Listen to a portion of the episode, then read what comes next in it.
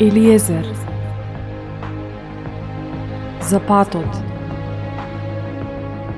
За вистината. За животот.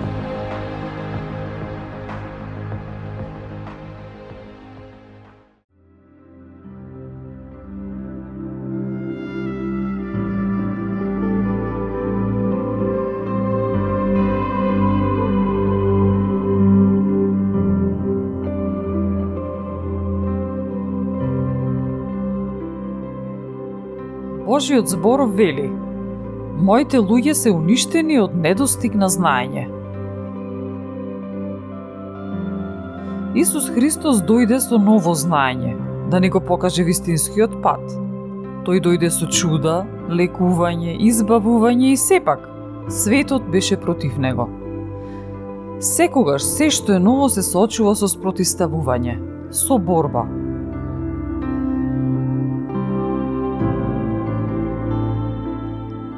Јаволот го мрази независниот ум, бидејќи независниот ум е ум што е одлучен да ја открие Божјата вистина.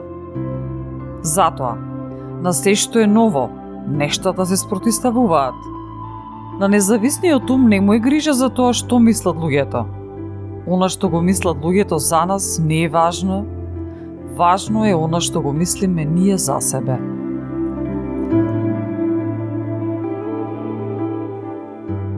Евангелие според Јован третата глава започнува вака. Меѓу фарисеите беше еден човек по име Никодим, кнез јудејски. Тој дојде при Исуса ноќно време и му рече: Рави, знаеме дека ти си учител, дојден од Бога, зашто никој не може да ги прави овие чудеса што ги правиш ти, ако не е со него Бог. Му одговори Исус и рече: Вистина, вистина ти велам, Ако некој не се роди од озгора, не може да го види Царството Божјо.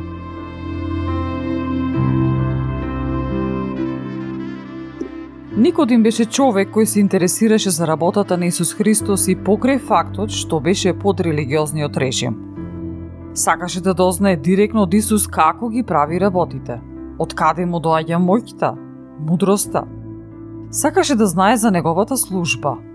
И затоа Никодим да отиде навечер за да не го дознаат неговите колеги. А ние, сакаме ли да дознаеме како Исус ги правеше чудата?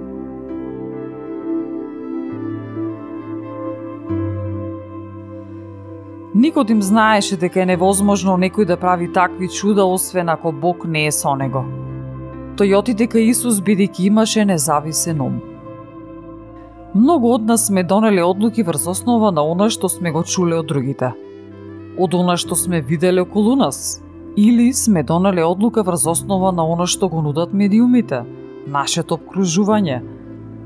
Тоа значи дека одлуките што ги носиме врз основа на овие околности се управуваме врз основа на физичкото, на она што може да се види, допре, чуе. Тоа е свет што се восприема преку нашите сетила – а Светото Писмо ни вели Не се управувајте според овој свет, туку преку обновување на вашиот ум, за да ја дознаете која е вистинската Божја волја.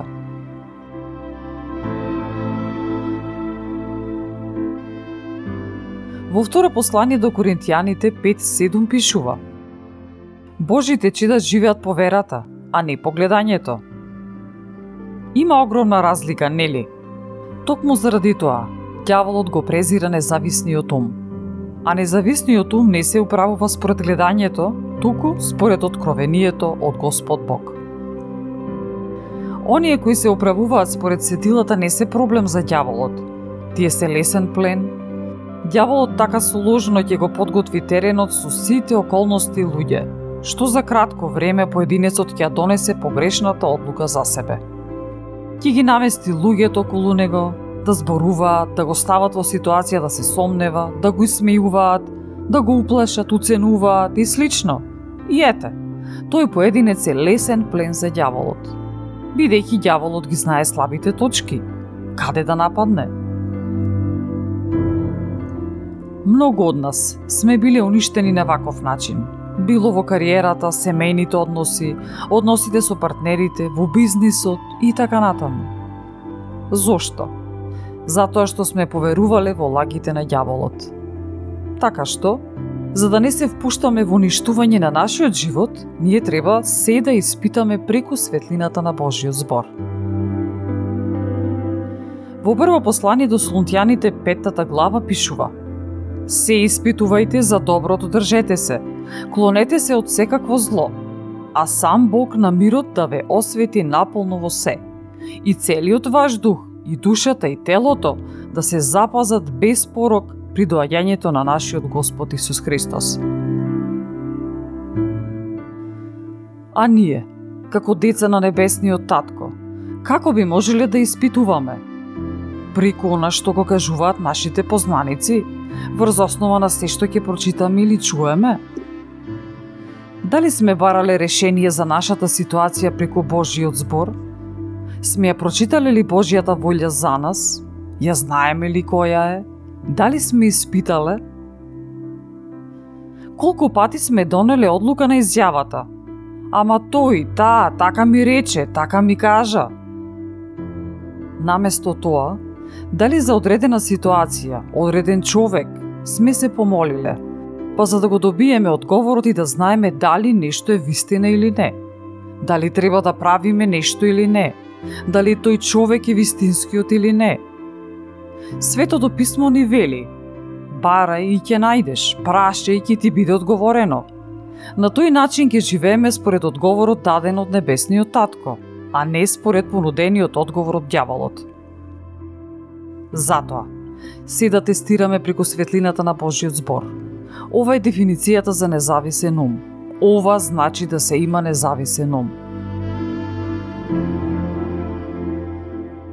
Во Евангелие според Јован глава 7 за Исус пишува А јудејците го бараа на празникот и велеа Каде е оној? И многу расправи имаше во народот за него. Едни зборуваа дека е добар, а други велеа не, туку го заблудува народот. Ете, се ширеа разни гласини за Исус, но Никодим одлучи да испита кој е Исус и ја дозна вистината. Тој реши да има независен ум. Затоа, да си кажеме дека од денес нема да носам одлуки базирани на она што го слушам, гледам, читам или врз основа на она што некој ми кажал. Туку, започнувајќи од денес, јас ке испитувам се преку светлината на Божиот збор. Бидејќи како дете на Бога, имам независен ум. Да речеме, доста е. Од денес имам независен ум од денес ќе го правам она што ќе ми го каже Господ Бог.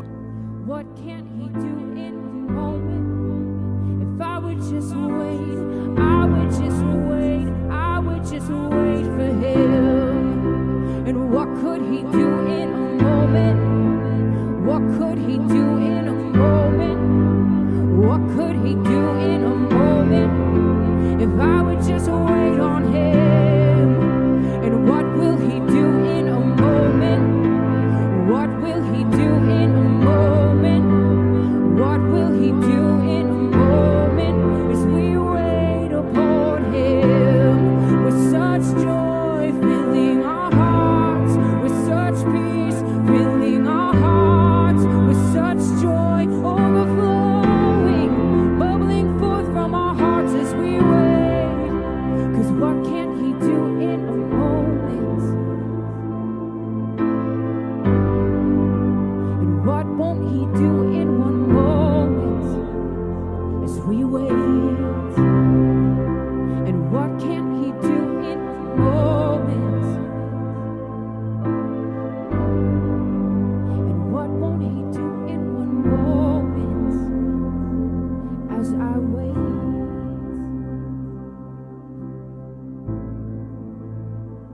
Ве поздравувам со првиот псалм.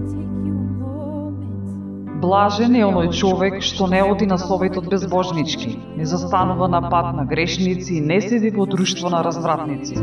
Па му законот на Господа и во законот негов дење и ноќе се поучува. Тој е како дрво посадено крај воден извор, кој својот род го дава навреме и чи лист не венее и во се што прави напредува но не се такви безбожниците. Тие се како прав, што го растура ветрот по земјата. Затоа безбожниците нема да се одржат на судот, ниту грешниците во соборот на праведниците. Зашто Господ го знае патот на праведниците. Патот пак безбожнички води во погибел for you. And what won't he do in a moment?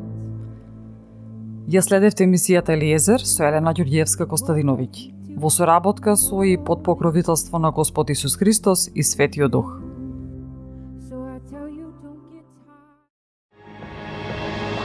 Елиезер